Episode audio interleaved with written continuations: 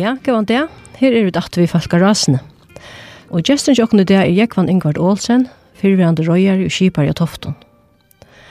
I 80 år siden Jekvann har førja løktinge, og skiftet var han også en løktingsformer. Gavan det, Jekvann, og velkommen. Ja, takk for det, Rune. Ja, jeg har også er mer å slippe høyre sin til å tøyne løpsøve. Ja, jeg vet ikke om det er så særlig å ha vært. Det er alle løpsøver å ha vært der. Ja. Ja, jeg er spett av høyre. ja, og min hånd byrja jeg for godt og vel 85 år så gjerne. Jeg er født i 1903, 8. juli. Og foreldrene som er, det var Jens Christian Olsen av Tofton, oppi av Rekne. Og mamma må inn være kvalvøk. Hun er til Lena. Og hun var av lea i kvalvig, dettur av lea og bittlo. av lea, ta lea navnet, det kommer av stronton. Eh, papi hans er Johannes, han kom av stronton, giftet kvalvigar, og amma bittlo, han kommer fogla her. Så, så så de bygde så her. La papian sier bygde hos alle, og han gifte seg inn i de husen. Papen min Jens, han var, han var slekt av Evregne, oppi av Regne. Og foreldren til honom, Abbe Jakob, han var også slekt av Regne, men Amma, han var slekt innan av Regne. Han toften er tvei Regne Han er oppi i regnet, og han er inni i regnet. Og mer sagt fra at um, stedet nevner regn. Det kommer av at det er, er en, en, en høvd til en hedgjør, hver kletteren stinker undan i hadlingen. Og hvordan så passer at den her til, til stedet nevner toften. Det er, det er beskaffet noe så. Så det skal nok passe. Jeg har jo ikke hørt at stjärnan regn er faktisk det samme. Och hvis man husker om Udja regn i havn, så er det ju gamla dager, så har kletten stund jo undan berg Västerå och Västerå og det vattlomarna. Så det ska nog passa. Det är så upphävande som här. och och mamma mine miste jag att tolja. Hun døg jo i barselsong da jeg var seks år. Vi døg femte badnen hun. og hun var med tredje år gammel da. Minnes du til vel? Det minnes jeg vel, ja. det var 22. mars, skje i tredje år. Og jeg minnes godt det var kæven den dagen, det ser man som det er det. Men annars hoksa man ikke så grolig enn jeg om de vannlokkene som gjør det, som gjør rakt og inn. Da man er så mye lyd. Eh, amma og Abbe var i samme huset. Så huset fortsetter og på, på, på samme måte. Og, altså, amma ble så hos atter.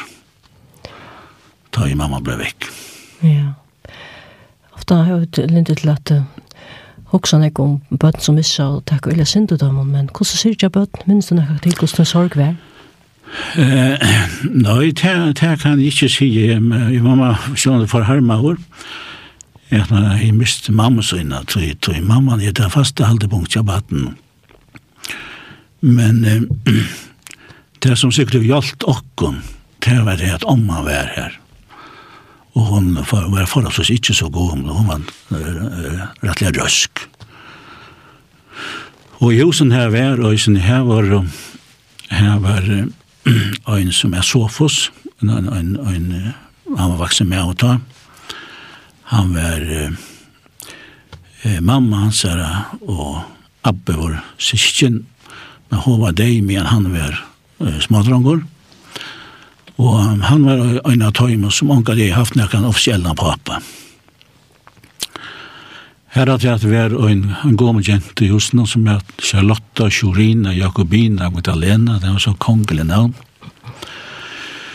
Og um, hun var sistna bad med Abba. Og hun var, og det har man nok sagt at hun var ikke full før, Det som bad i henne til å være at hun er i steg nok for atterle og i køyene tar i intelligenskosjenten ble utbytter. Men hon var så et edlet menneske. Hun, hun var gav henne selv og gjør det ikke alt der i henne måten. Og vi var, og da, den jentan som mamma fødde til en døye, Og han fyrir til Kvalvik til Amosyna og Abbasyna og til Mostersøyna, som var utgift. Og han vaks opp her og ble verande her. Men jeg vet fyra ble så etter husen. Tvei år søytene, da giftes så papi attor, og vi fikk sånn anodja mamma. Og da kom og tjei sikkin at rett. Så flokken ble nok så staurur, og Men den øyne uh, halvsiste min, hun døy, da jeg var best var åtte år gammel, hun fikk meningitis og, så, og døy. Men uh, henne edle og vi videre, vel som dere friske løy. Så det var løy i husen og toften? Det var en egen løy i sjokken, ja. Og um, det var ikke, ikke, ikke, bare, ikke bare folk, men det var også en egen fær. Um, og i husene var det trudja merskur og, og fyra i kittelene gjør. Og da stod trutja kuir i kjattlæren. Og her var det, her var det dunder. Og her var det høst. Og her var det alltid en kjett. Og hvis man kjett kjett, så ble, ble, ble det fullt av rått. Så det var råttekast måtte man ha. Så... Uh, Det gikk nek fyrir sin nir i kjattlarmen. Så jeg skrøy at hun tilskulde embetast eh, kvann det, og tva trusja om dagen, få hodj og vatten, og tilskulde mjölkast, morgen og kvöld, og kanskje kvart og snem imma alt hei, en kik vei tålig an nykalva. Og høsten og, og donner det skulle jeg ha møtt. Så her var, var, var, var kvart av søgnen, Annars var det kjattlaren. Kjattlaren var så veldig viktig. Det var et fei viktig rum i husen og i min oppvøkst. Det var køkeren og kjattlaren. Og kjattlaren her var til dømes, her var eplehus, her var kom til vidt eplene. Og her var natthuset, der skulle man i kjattlaren til, til man gjorde det her. Og uh, her var lantonen, Og her var eh, torve skulle alltid berast, og her stod torrlebaner og Og, og det er imisk ambo. Abbe var gau grøt med og han er i sin ambo her til arbeid grøt vi. Og pappa var òsne, òsne smyr, han var uh, smyr i òsne hus vi kvarst. Og jeg var nok snakk og smyr og skap. Mittlandet hei han er tattleb, som han er gjort til å se om at han fått arbeids. Og som uh, han har gjort uh, sugina såles han hengt at han spesiell i høggjøtene og alt det og Og tøyda var ille vi så, så, så var vi til kjallar og spalt og her mengt imist. Mittlen krujaturen og lantunna. Ja. Ja, det er ikke fint. Det er ikke fint, ja. Det var også den eldste av i kjallaren. Første minnes var den som gammel kom fyrir, Og søttene så fikk vi, så ble han tidlig vekk, og, og, en sånn, så stod gryta vi, vi en eldste og var ui, og jeg minns da vi på det vaska kinnene, det var øyne fra mar, De, de skulle, de, de ble hit, det var ikke om løyren kauka, det må det være fremmøter, og da brukte man land. Og det var alltid en dag hver det var øysregn, så at øy var større som vi skulle skåla det jo i. Og vi tøtt til jobb ta skåla kinn, kåret inn av balje og bera deg om blækjene og sette av balje om blækjene. Jeg minnes hvordan hvordan jeg kom bort i orddommen av, av, av kittet, så landet var, var, var godt vaskjøen. Så tid lærte han ikke om Jeg tog at jeg slå på å vi i bøtten, så lærte jeg nek av tog. Ja, vi var vi faktisk i Ødlund. Jeg husker, tar vi det var halsmas og kjær, og løyde jo ikke til 19, vi var alltid vi. Og, og, og det ble jo nek på spil, tjokk, men, men så hver som man kom sin var til, så, så, så gjør man det sin til 19. Ja. Jeg kan inkvar til, hur vi røysene yngst er at horsner nøkker lødla nekka sanjer i, i det. Ja. Så det var Ta, ta første tur yngste jeg hørst hørt er et solm, solmavers, Rita, navntøyt, mer og hjersta, men du er også nødt akkurat si om det. Ja, det er ganske ikke nødt, men eh, vi gikk jo alltid i kyrkjø. Vi, vi ble opplært til å gå i kyrkjø, alt var små og nå. Men det var ikke alle husfolkene som var i kyrkjø. Så det ble også en lester høyma.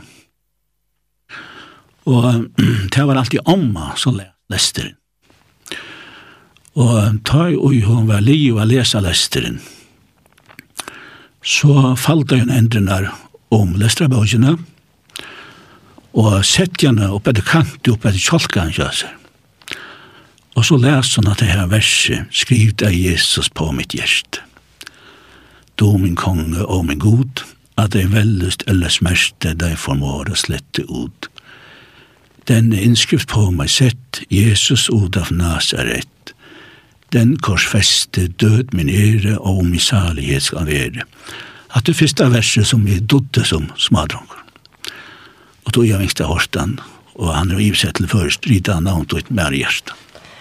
Ja, og, og det samme verset er etter Kinko og til Gunnar Dahl Olsen som har tøyt.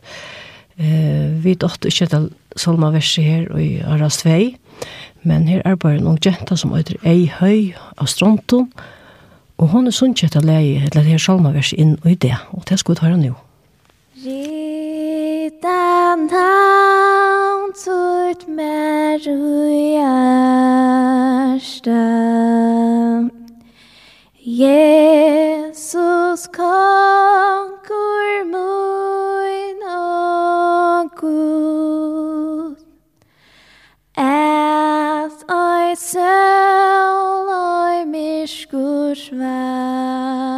hjärta. Men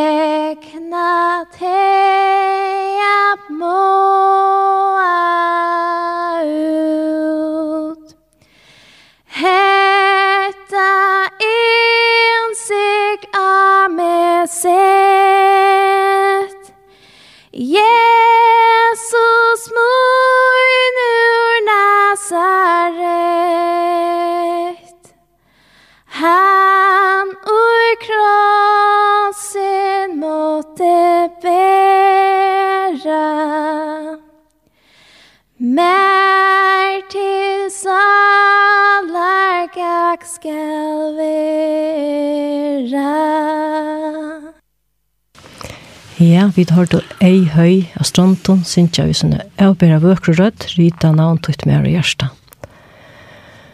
Og jeg vann eh, om at hun var ur Kvalvik, så tunne man snakka av affæreste Kvalvik, omkutøy. Ja, så lengst som jeg kan minnes, så var det, så har vi vært i Kvalvik akvarium somre, inntil vi er 16 år. Og mer dante domte sera vel kvalor. Men jeg tøkte at det var noe som bøtt. Det paradis jeg gjør fire smadrunk.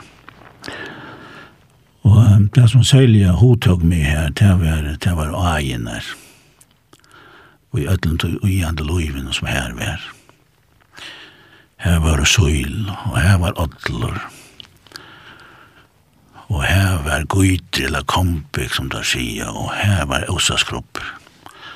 Så vi eh, nästan levde då i och i sin avon. og om og abbe de de var rätt skulle gå i ok vi følte ok alt jeg var sier velkommen her nå er hus jag lär nu där vekk Det var stor. Och här är svart asfalt som som husene stod Så det er snart Den gamla var ikke fyrir det som kommer nå til inne. Eh, de husene, de var uh, ikke så gullig stør. Ja, det var nok, nok så lengt. Det hadde vært tve familier i, i, i, i lånene. Um, og det var en køkker og en stova og et kamer og så et loft. Og her var et kamer på loften. Og i stående var, det, var det tversomme kodjesenker vi, vi rett jo rettjoavn fire.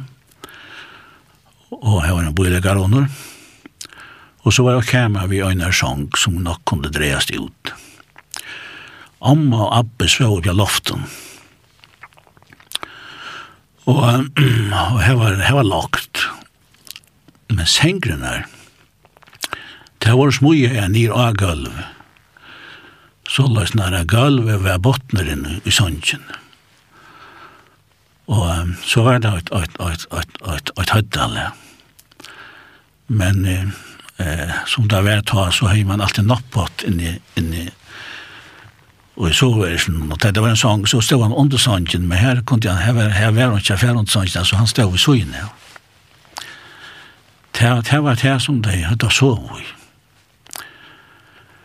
Og Vi først får vi inn, inn i kameran, etla og i andre er kodjsangene. Og hvis man svær ved kameran, så, så, så bor vi en god med kona og sugene av. Og, og det var bare et enkelt brøst i midtelen, her som hun som her og som vi svær Så vi hørte godt at han var en sang, og hva man tog seg ved seg selv om, og, og hvordan hun befallet seg i seg hente, da jeg leser jeg sove. Og, og øysene, oppi av loftet, det var bare et, et, et ankelkall. Så hørte man øysene gå seg om og abba vi lov og bæv og, og, og sång og sång. Alle lødde seg kveldene. Og det som jeg kan si er bæg om høyme i kvall og, og, og, og, og vi rekkene. Det som var en felagsnevnare, det var at det rådde en godsøtte og et nøgtsømme i Bavenhøym. Annars, eh, i Kvalovøk og Toftet, her lå ikke slett ikke. Altså, Toften her som Gjerramon, her er så bratt, Kvalovøk her er altså døylig slatt. Og til 17 årene så rønte jeg å hjelpe eh, til å hodja, så, så, så hver som det vikna av, og vi kjølvann det så jeg var her hver, hver sommer ta 14, 15, 16 år, og, og hjalte vi hodja. Og høysene vi har kjera torv. Det hadde vært en kikk, og høysen og i chatlan det var glad lagt, og hon, hon høyde han også trånglet han kikven. Eh, og torv og skåret fram i del, og Og det var eisne måneder av torvhøyene her, her sjokken og tørrehøyene og tøymen. Det var så grunnen jeg og man er grevst. Man skulle greve nesten en halva manns at armen kom nyr av megvin. Det er ganske ikke var avgjørst, det var ganske ikke så kjøpt. Men her var ulla negve megvor, som man tvoiskar alt i egen her fram i det det her, tjabbegoss her. Men her sjokken, her var, her kom megvin nesten på puntan, det var, men her var, var ikke så djupt, vi, vi, Jeg minns langt jeg vidt vidt do på skåre egen her om akkurat alle. Så det var, var en visse måneder av forskjellige tingene i Kvalvig og Toft. Nu, nekva, hvis nekker ung folk som lort etter okken det, så vet det ikke hva det vil si, som vi snakker om på en nu, eier, altså, og torv. Ja, torv. Jeg vet hva torv er, men eier det. Hva torv er, ja, det er, til her man grever meggen og pur jøren, så leer man da oppa bakkan. Og til alles her man vil kalla for torveie. Og hvis det var, var stort, altså det kunne være, være en, en fem faunar, det kunne godt være en 20-20-30 faunar, hvis det var var gaur høyer, men det kunne også være, være stort, bare en til at tvare faunar, og det var så lite, så kallar man det for påt, og hit fyrir torvei. Oh, ja. Så har sin form att det man leja ett leja i som man kallar det för skansa leja. Ta leja der man så i sorgen sorgen møner. Og det var bare, bare jantleja. Det er nok självsamt å sitte til det. Ja, men det er en... Ja, ja, og en plera skjer at har i fostade en lakne i havn som vi slekter att haft. Han blir en kjera kvar i norr. Ja. Ja. Annars så um, hekk, eh, nu, nu var det så heppen at i åtte bæg boar om og boar abban der lukket til ble vaksen. Og jeg kom og henga nok så pjoj, nei, jeg kom pjoj abba min av toften og, og i min oppvøkstre. Og, um, og han fekst vi, vi seien og neidene. Papa var kips. Og um, Og jeg røkta i samme vinen. Han røkta i innare gong og huset. Han tala og huset, heian er saman i fel. Så vidt åtte sier jo trimen heia parsten. Jo, sier han og Og ivri heia, og ridevig og ivri nev. Og så jeg hekna ikke oppi i abban. Vi har røkta seg og fjallgongom og jeg skjer opp heia og velta og bera tøm, og hodja, og røkja torv etter torv, alt, og, og ja, alt det som hørte til den vanlige huser alltid, tog og tog inn. Det var ikke noen penger, eh og i samfunnet till till boskapen då att jag så vill jag ut på at at at självförsörjna seg vi vi imskom. blei vi mät och klävon och bränner. ta var det, ta var det bruk för ödlan hånden till, till hjälpar för jag få allt det till höll där. Ja, eh, kan gör du, gör du nytta för sig. Det har ju hjälpt väl till, ja. Sälja la hodja och isla rökta torv. Ja, men det måste ju också vara till skolan. Ne? Ja, Ta man får skola till att man var tjejer. Och ta jag för, för skola ta, ta vare i målösningar. Mm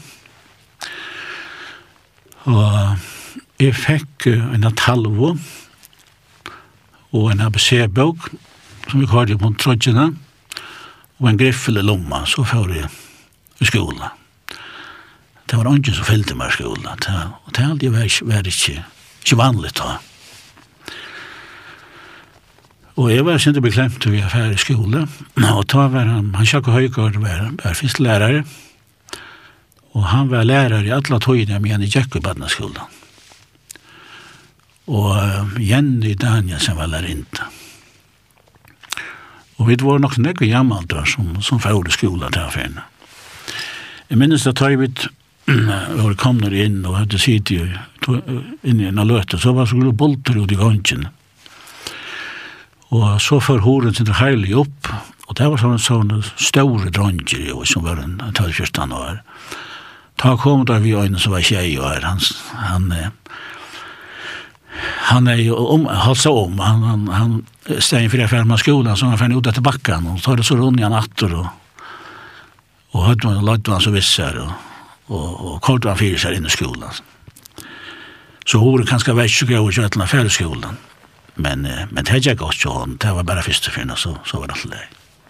Han var kanskje bensin av bekymmer skolen. Ja, mulig, visst det, ja. Det var ikke alle sånne pedagogikkeren kom inn i mynden. Ja, jeg var ikke oppfunnet da. Det var bare en kjølfylgje.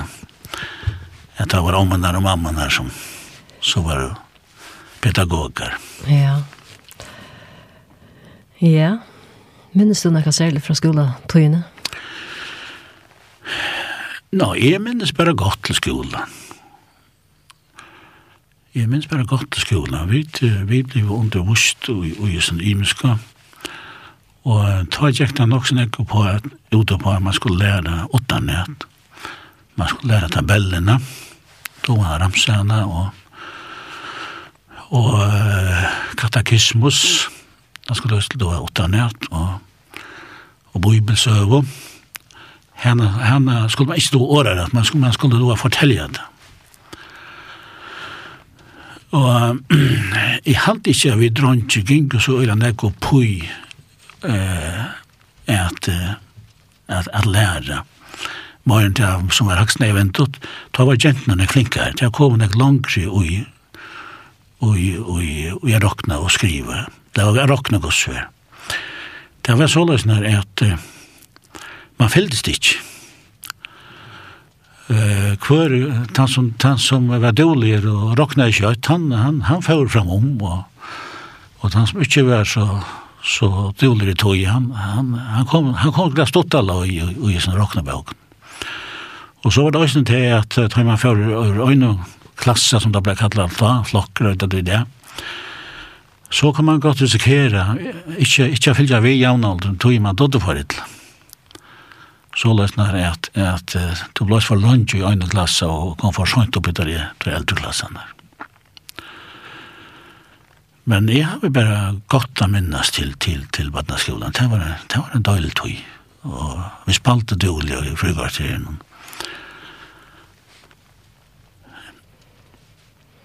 Ja, hvordan, hvordan, du nevnte Janne, pedagogikken var ikke oppfunnet da. Hvordan var lærerne?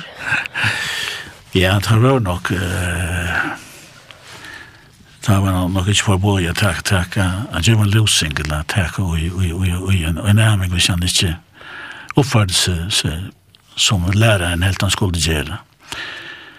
Det var eh, nok strengere i skolen da. Men eh, Ja, det er ikke så tjekk det, tjekk det rymelig godt, bare i middelen, middelen, middelen lærere og, og, og nærmengar. Ja. Men dronjen jeg gledde seg til den dagen da fylle fyrstan og slopp i skolen. det var nok så, nok så typisk for, for alle nok så da skulle jeg slippe alle chips. Og da var det så at han fyrer i urskolen den dagen da fylte? Ja. Eh, tar flest og alt. Men ikke, ikke alle. Onker ble hengende inntil han eh, skulle være ja. Ja, en tørst om akkurat som grät etter nødsterskolen. Ja, det, det var ikke, ikke en alder enn jeg mer som græt. Men tur yngste harst en sang her som vi har vi skola skolen gjøre. Ja, det er land jeg var vi mer etter Karsten Høydal. Og jeg halte at eh, altså årene er så øyelig vel samansett, ser jeg vel samansett og sia så nek og, og er så djup tøtjen og i, og, og, og, sine venting. Og eh, ta i tjekk i badnaskolen, så kom jeg i badnakaure,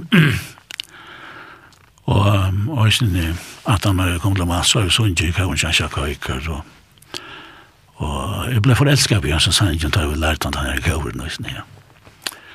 så at det alltid er en, en sanger som sier nek Ja, og han er av en av fløve som heter Jev Høyerslev. Ja, til en fløve som kom ut av i Sjakko, da er jo vil fyllt hundra år. Ja. Og lett kom komme for høyre han jo. Ja, takk.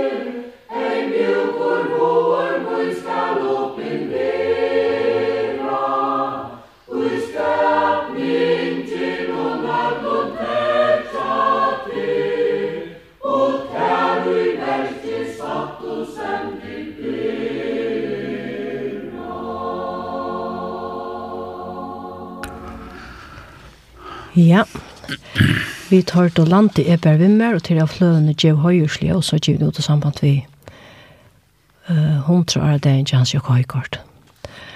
Og vi kunne ganske endre takke at dette sendte ikke folk av rasene, og at gesten ikke åkken er Jekvann Ingvard Olsen av Toften.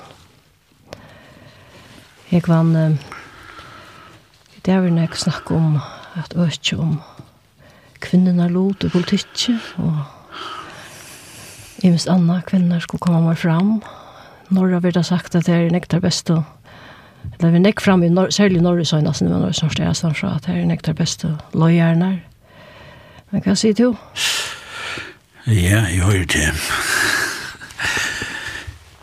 Til og skiva stod jeg kvinner, til, og i så måte er det ikke, er ikke måneder med kvinner og menn, men eh, jeg antar at, at, at kvinner er ganske lykke ofte bedre pedagoger,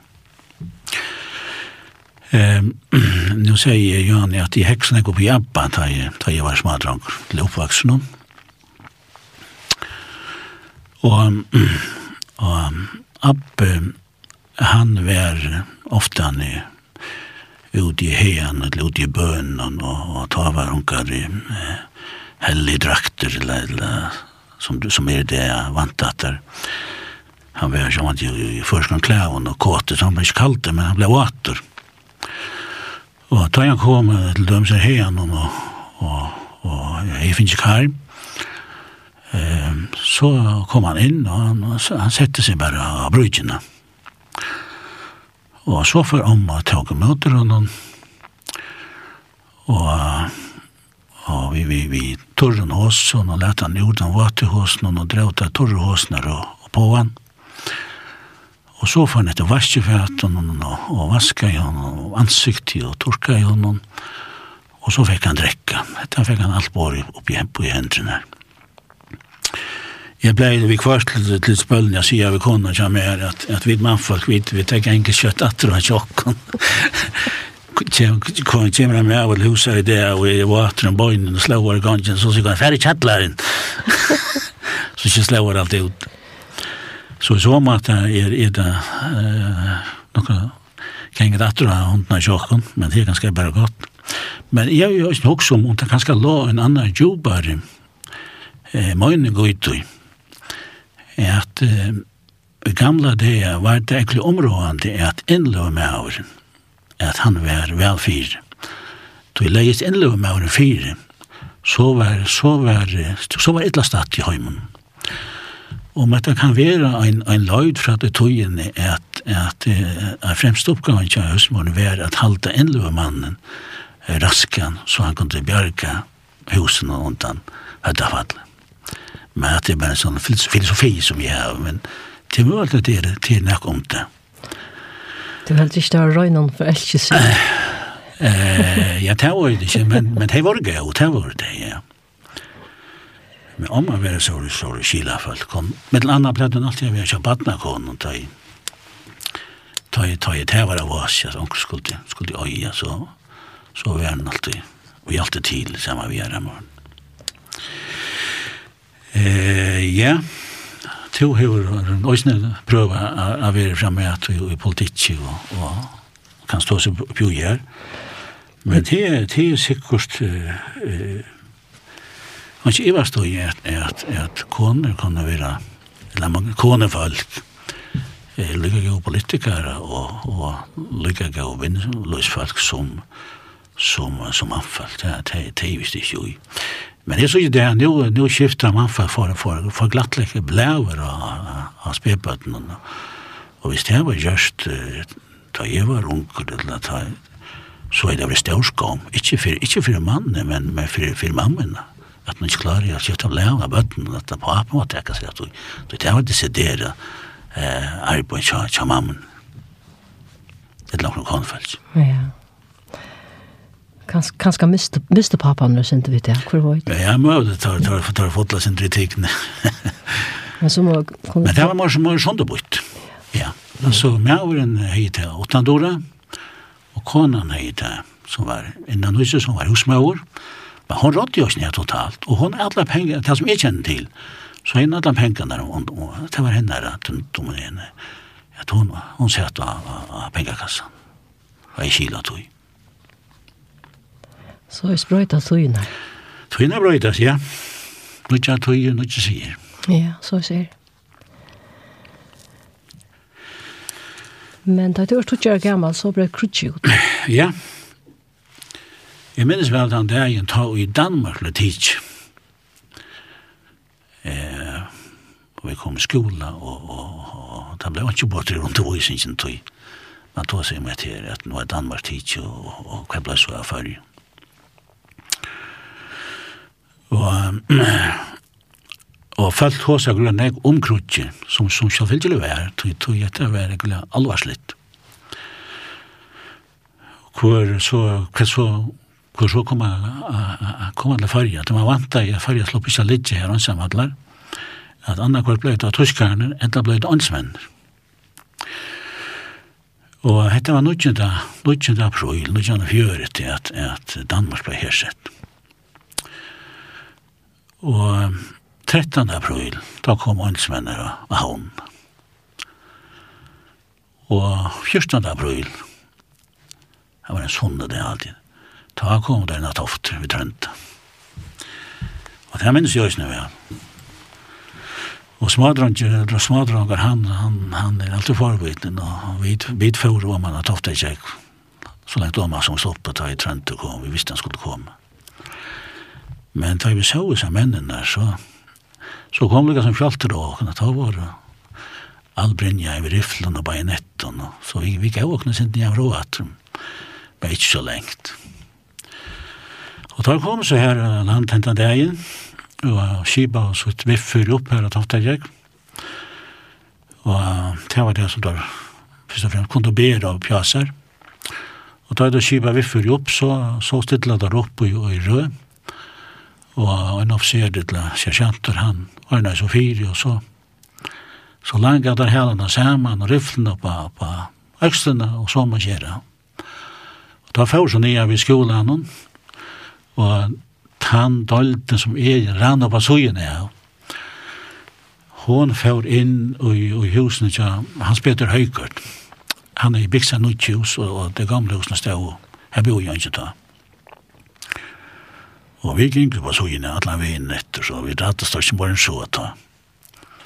Og det som minnes til til var at tar for alle inn, og da han løtte affæren så kommer øyn ut av trappestøyene vi, vi nøkron sånn, sånn, fjælastoppen i, i, i faunengjen.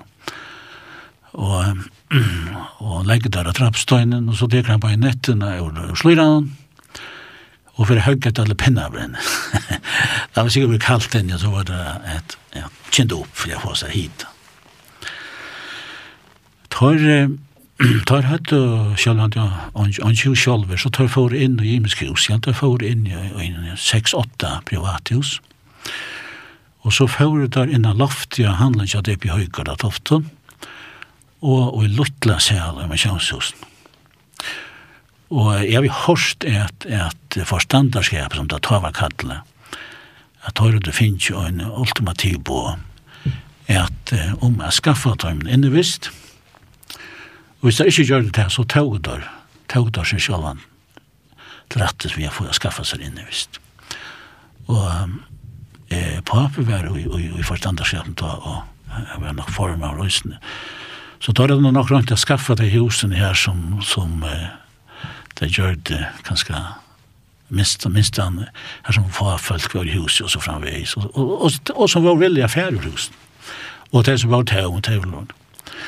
Så da får og i, i, i, i, i hus da. Men tar, tar byrja på en av veien at, at for å gjøre seg barakker og, og, og, og gjøre seg en, en, en, en stø som tar, som tar befesta og vi kanonen og lusjets, ja, altså kanonen la kjøte. Og det er jeg og lusjets og, og maskinen ved røyer og så vi er. Så da de husene var og barakkene var oppkomne, så, så får det utenfor skhusen og i barakkene. Og det var mellom 2 og 300 mann som var her. Da var det en, den største basen var ut i Anese. Det var det var hevstmålet for stora kanoner, semestlige kanoner som, var, som stand av Skansanen i havn. Og her er andre uh, oppfattet sett, et eller annet parter av en. Og, um, og så var det færre kanoner fronten av oss. Det var smart. Det, det var til å skjøte etter kipen som kom og uh, inn i fjøren. Så tar tog seg skala i fjøren til kruksa. Så tar skulle verja innsiklingen. Så sette der røysen i undervannsbatagød av fjøren, tvert som fjøren, da lengs i fjøren, så lest nær rett. Hvis undervannsbatar skulle snudja seg inn, så skulle det komme i skøtten. Så det er brøtt uh, litt, nei, daglig det er nær tjokken hva det ser fremmede mennene var. Dette var, var unge menn, med en part av dem, 20 års alder og så løst, fytte menn. Og vi vet, i spalten jeg sammen vidt dem, kastet og heva bløk og forskjellige sår. Um, jeg minnes noen av Kristian Johannes, bønden i regnen, ja. Han, han tar blant alt heva hodgjengagent. Og så var det til å lære seg engst. Han heldte det var ikke skulle torsvart å lære engst. Så han er finnet for høytjengar jenter, jorda nær bygd, og tæt og tå, ikke engst år. Da kom han frutja det, og leia kvall, tag inget der arm i arm i åndsmennar, så tæt måtte vi, vi er nok så lagt han, han lærer engst malet. Her er han kjøtt samarbeid så og så. Ja, ja. Men det var en base vera toften, det var et, et lasarett, det var et, et hospital, og her var laknar. Den ene laknar aldri væri, her, alt krutja, han alt lumste. Og så var det også en sjukrabassare. Og her høyde der òsne, da kom her og teka seg bæ, vikle bæ, eh, soldater. Og her var et damprum, og her, her fyrir et klæin, da søtte det at det skulle avlusas i sin damprum. Og så var en bare så langt inne, det var, det var skåter og, og, og heilandare som var her. Så, så det var lukka som trutje som basar var, og en av nesje tåren jeg toft. Men det er ikke det er ikke holdt godt alltid. Samstarv i middelen, falskje og, og, og, og så sabresko her menner. Tar som skulle rekva ut, det tar, tar blei sin tro på seg tøyma, tajma, tar skulle kunne ikke fære til utre og redla kom attor, at han hadde bli mist. Men så fikk som finget der en ordning innanfor at um, tar skulle se fra. Og så, så skulle det legge et i øyren, tar kom inn her i fjøren og se fra, så ble det meldt ut, ja, nu kommer tann og tann på atren. Men så skulle man være atter til, hadde jeg vært, vært æren damist. Og minst ennå for pape være utdrag vi en motorbåt som at enne. Og tar var for søgner atter. Og jeg hadde da et skåte vi, vi riflen for Varselskål Fyrdamnen. Og så kom det inn ved landen og kom av landet tofta tjekk. Og da kom han tvær av sin jeepen og fotler av herfølelse og, og offiseren og Og da tog også pappa, han måtte så fyllt vi i sen bilen der. Og så gjorde Hedja som offiseren hadde sina skrivstå. Men det spalte vel ja, han, han kom atter til alle gå. Det ble ikke noe høyre refsing. Nei. Annars opplevde man det at vi først så skodet der på den store kanalen eh, var så skott fire skipene som kom inn, som ikke hadde vært inn i havnen sagt fra. Mm Så, og her var det for øyla kraft til ljøskastare. Så lustet av ljøskastare hadde han, og så skodet der vi, vi de store kanonen. Og det kanonen helt en granat som vi er i, det var bygd av en granat som vi er i 123 pund, så det var øyla kraftig skått, og da, da ristes alt, og man vakna i alt. Men det spalte alltid, alltid vel, og i så søstrendet. Ja. Til langt og tog jeg har en sangatrett. Ja. Ja, tøyen, han, han ganger kjøtt, ja. Han ganger kjøtt, ja. ja. Yngste høyre, en førskan sang at og ikke er som sommerkvall du strenter. Ja, jeg halte at jeg tar en, per, en av peilen, mittelen av alle ære peilen da i førjen, bæge år og læ. Og jeg minnes godt, da jeg sjakket i hjertet av læ, og i sången det kåren, at eh, at lykka som år og le færi opp på henne hagri øynd det ble lykka som hat og givet så hatt er en av favorittene kjem her Ja, og til Tafta Kjør som synker Oi,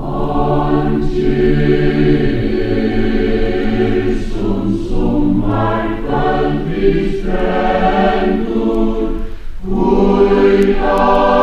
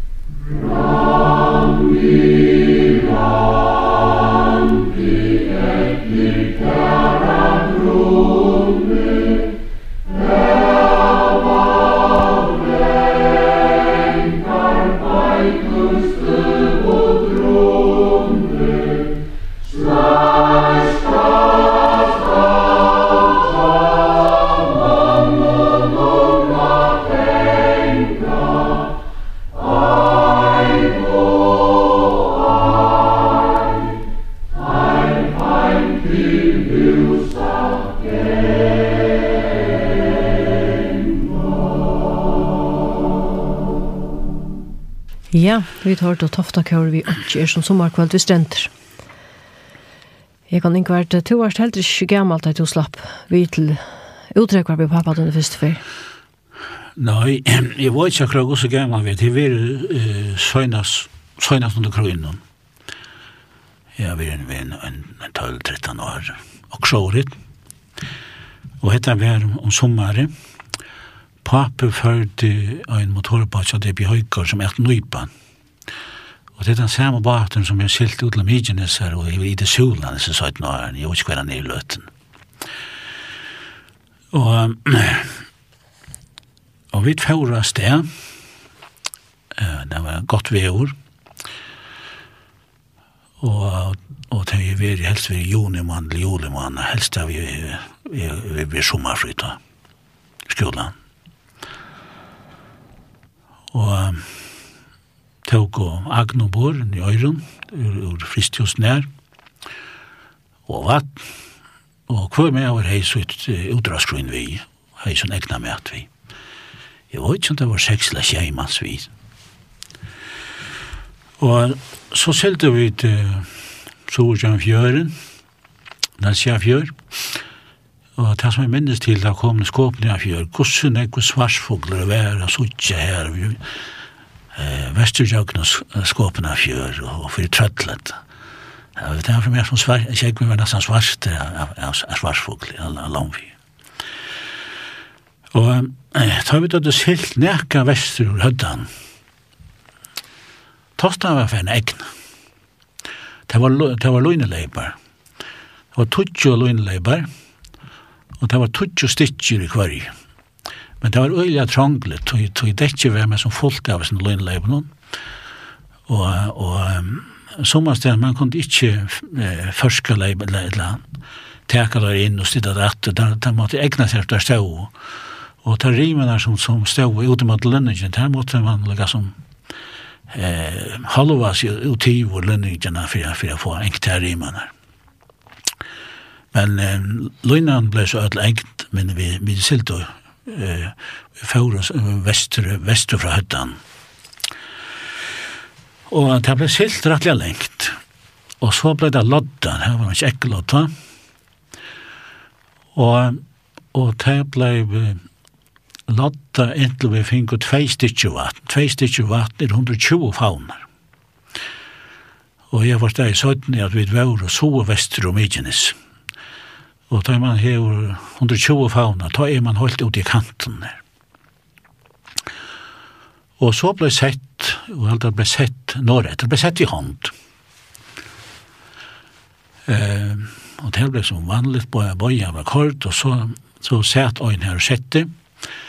Så sett øyn med over 18 fyrir igjen, og skulle jo anse etter hvis det kom avklart, eller han kraktus, eller det var fløkt, så skulle han takke i løgnene, Han tog seg en bukt i hånden. Det kallet det for Orias post, sitte her 18-4. Skulle halda, halda tøyen hvis, hvis det kom akkurat avklart i løgnen. Så det var som sett. Nå, men det ble sett, og, og med har vi sett, og da begynte det låt. Og så ble alle tøtje løgnene sett der, og så ble det silt i middelnatt. Og da ble låtet vaks i hverjen. Og jeg vet ikke, jeg vet ikke hvordan kjøtt det var for jeg driver, til, til, til, til, til minnes jeg ikke. Men jeg halte ikke det var så, så langt at han var vidt at silt i middelen, men, men da var det blivet, jeg ble jo noe kjaskot. Og, og, og derfor var det rådlig ytla, og jeg får sjøverk. Men jeg var så nekka dekkjennom, vi hadde begynt å dreie, og, og fiskene kom, og jeg minns godt hvordan store fiskene var. Det var store langer, rævlig store helt i. Som var våre flekkot der av dem, svarta pletter etter rydgen, og store taskar, store brosmer. Og, og ta og i vit, hadde dreie nekka, ta ta slittna i løgna. Og, så ble, så ble silt at til hinnendan, og det ble ikke lagt over at det veggriva ble så ringt. Og ta rundt mer for en lenge. Det var, det var en Ja, nei, fortell på Det var en kod, det var en kod og bor i Nøyben. Hun vet først om uh, lugar i Atlanvire, men hun er i tvei kodjehål.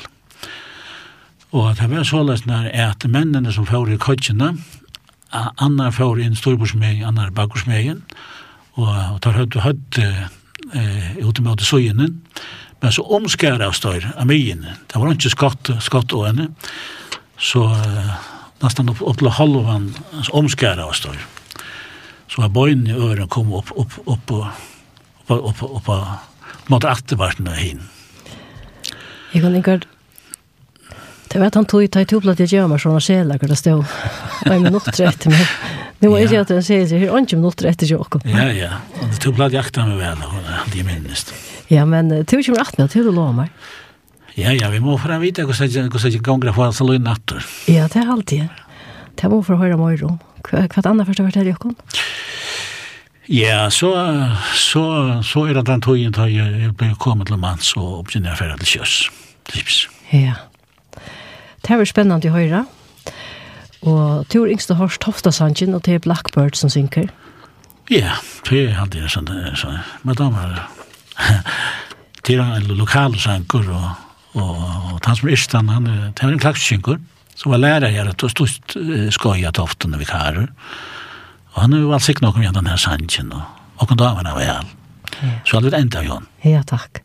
Vi tackar för det och säger att detta var sent i Valka Rasne och Justin och och där var jag vann Ingvar Olsen och Tofton och så ber jag efter säga tack för det. Utvarstående Jonas Iversen, tekniker Ronny Pettersson. Farväl.